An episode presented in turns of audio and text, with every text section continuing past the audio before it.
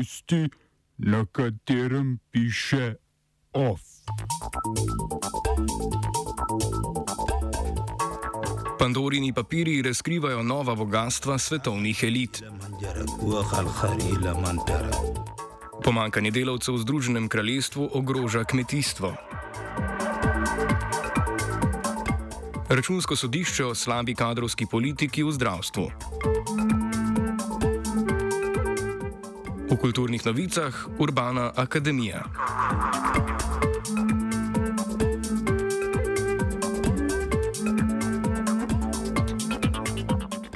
V največjem novinarskem projektu doslej, imenovanem Pandorini dokumenti, je več kot 600 novinarjev iz 150 medijev eno leto analiziralo skoraj 12 milijonov dokumentov in razkrilo finančne skrivnosti sedanjih in nekdanjih svetovnih voditeljev ter javnih funkcionarjev.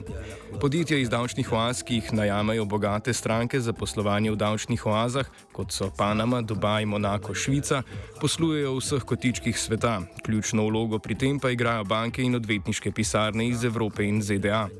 Osrednjo in usklajevalno vlogo ima predvsem London kot dom raznim velikim bogatašem, ki se uspešno izogibajo davku na premoženje v tujini.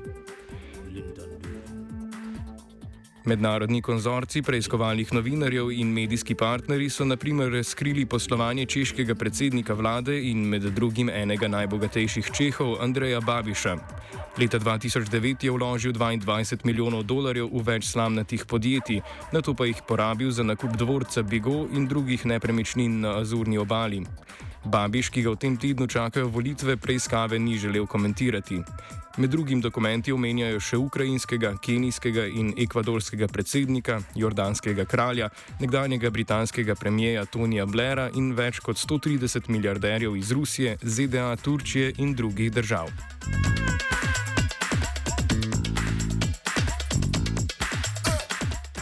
Tisti Britanci, ki niso bili dovolj daljnovidni, da bi se zaposlili v finančni industriji, pa se vse bolj pripravljajo na zimo nezadovoljstva. Potem, ko se je pomankanje benzina na črpalkah ob pomoči vojske nekoliko umirilo, se sedaj skrbi potrošnikov ponovno obračajo proti mesu.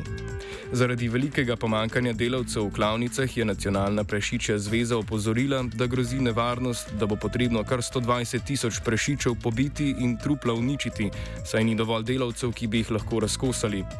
Kmetje opozarjajo tudi na vse slabše razmere na farmah, kjer zmanjkuje prostora za prešiče. Poleg tega infrastruktura, kot so ograde in hlevi, ni prilagojena za večje živali. To je sicer že druga kriza mesno-predelovalne industrije na otoku v zadnjem mesecu dni. Sredi septembra so namreč zaradi visokih cen zemljskega plina proizvodnjo prekinile tovarne gnojil, ki kot stranski produkt proizvajajo oglikov dioksid, ki se uporablja v klavnicah. Vlada v Londonu je zato družbam ponudila finančno pomoč, ki jim je omogočila zagon proizvodnje.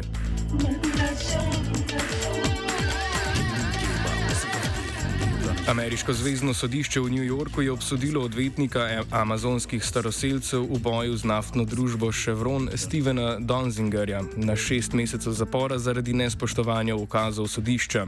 Donziger je leta 2014 na ekvadorskem sodišču po dveh desetletjih pravdanja za svoje klijente dosegel izplačilo več kot 8 milijard odškodnine za več desetletno onesnaževanje voda v amazonskem pragozdu. Chevron je na to na ameriških sodiščih uspel s pritožbo, ki je trdila, da je Donziger obsodbo dosegel s podkupovanjem ekvadorskih sodnikov. Isto pritožbo je vrhovno sodišče v Ekvadorju zavrnilo, v ZDA pa so sodišča Chevron zaščitila pred izterjavo odškodnine, ki je podjetje ni izplačalo, saj se je umaknilo iz Ekvadorja, Donzigarju pa so sodišča naložila plačilo več milijonov evrov sodnih stroškov in zasegov računalnika in telefona.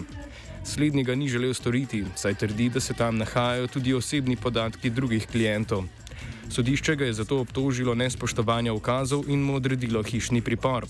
Ta obtožnica je sedaj postala pravnomočna z obsodbo na najvišjo zagroženo zaporno dobo, ki pa je kar štirikrat krajša od več kot dveh let, ki jo je Don Zigar preživel zaprt v svojem stanovanju. Da je bil pripor nerazumno dolg in kršitev človekovih pravic, so prejšnji teden povedali tudi pravniki Združenih narodov.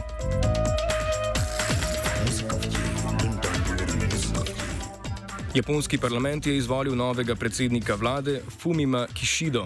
Izvolitev je bila le vprašanje časa, potem ko je bil nekdani zunani minister izvoljen za novega vodjo vladajoče konzervativne liberalno-demokratske stranke. Stoti japonski premijer velja za politika kontinuitete, ki ne bo bistveno spreminjal politike svojega predhodnika Yoshide Suge in Shinzeja Abeja predtem. Slednji je dominiral japonsko politiko v zadnjem desetletju, a se je umaknil zaradi zdravstvenih težav, še vedno pa ima velik vpliv v vrhu stranke. Fišida je napovedal, da bo kmalo razpustil parlament in sklical predčasne volitve, ki bodo potekale na zadnji dan oktobra.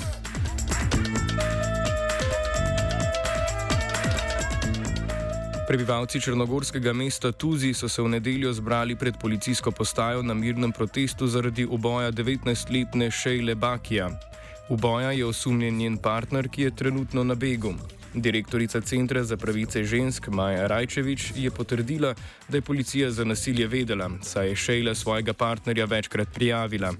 Zbrani na protestu so pozvali za, na zaščito pravic žensk in od policije Ministrstva za notranje zadeve ter njegova njegovega ministra zahtevali naj sprožijo hitro preiskavo za Šejlino smrt. Protest je trajal 19 minut, toliko kot je imela Šejla let. Oba, če bom odgovoril na angliški.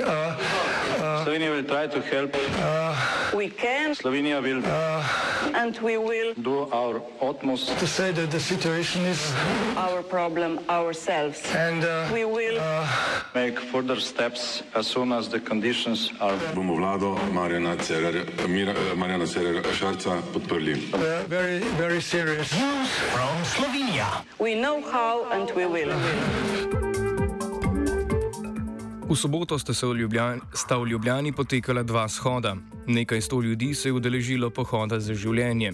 Shod nasprotnikov pravice do splava je podprl tudi ljubljanski načkov Stanislav Zore.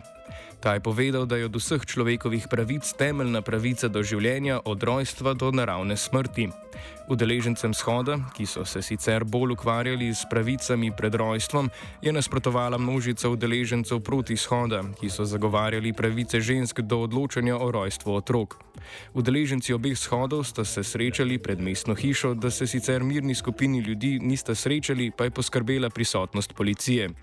Kot je povedal notranji minister Aleš Hojs, shod za življenje ni mogel potekati, kot so si zamislili od začetka, prav zaradi drugega shoda, ki so ga po njihovih navedbah neprijavljeno organizirali antifašisti in v stranki Levica.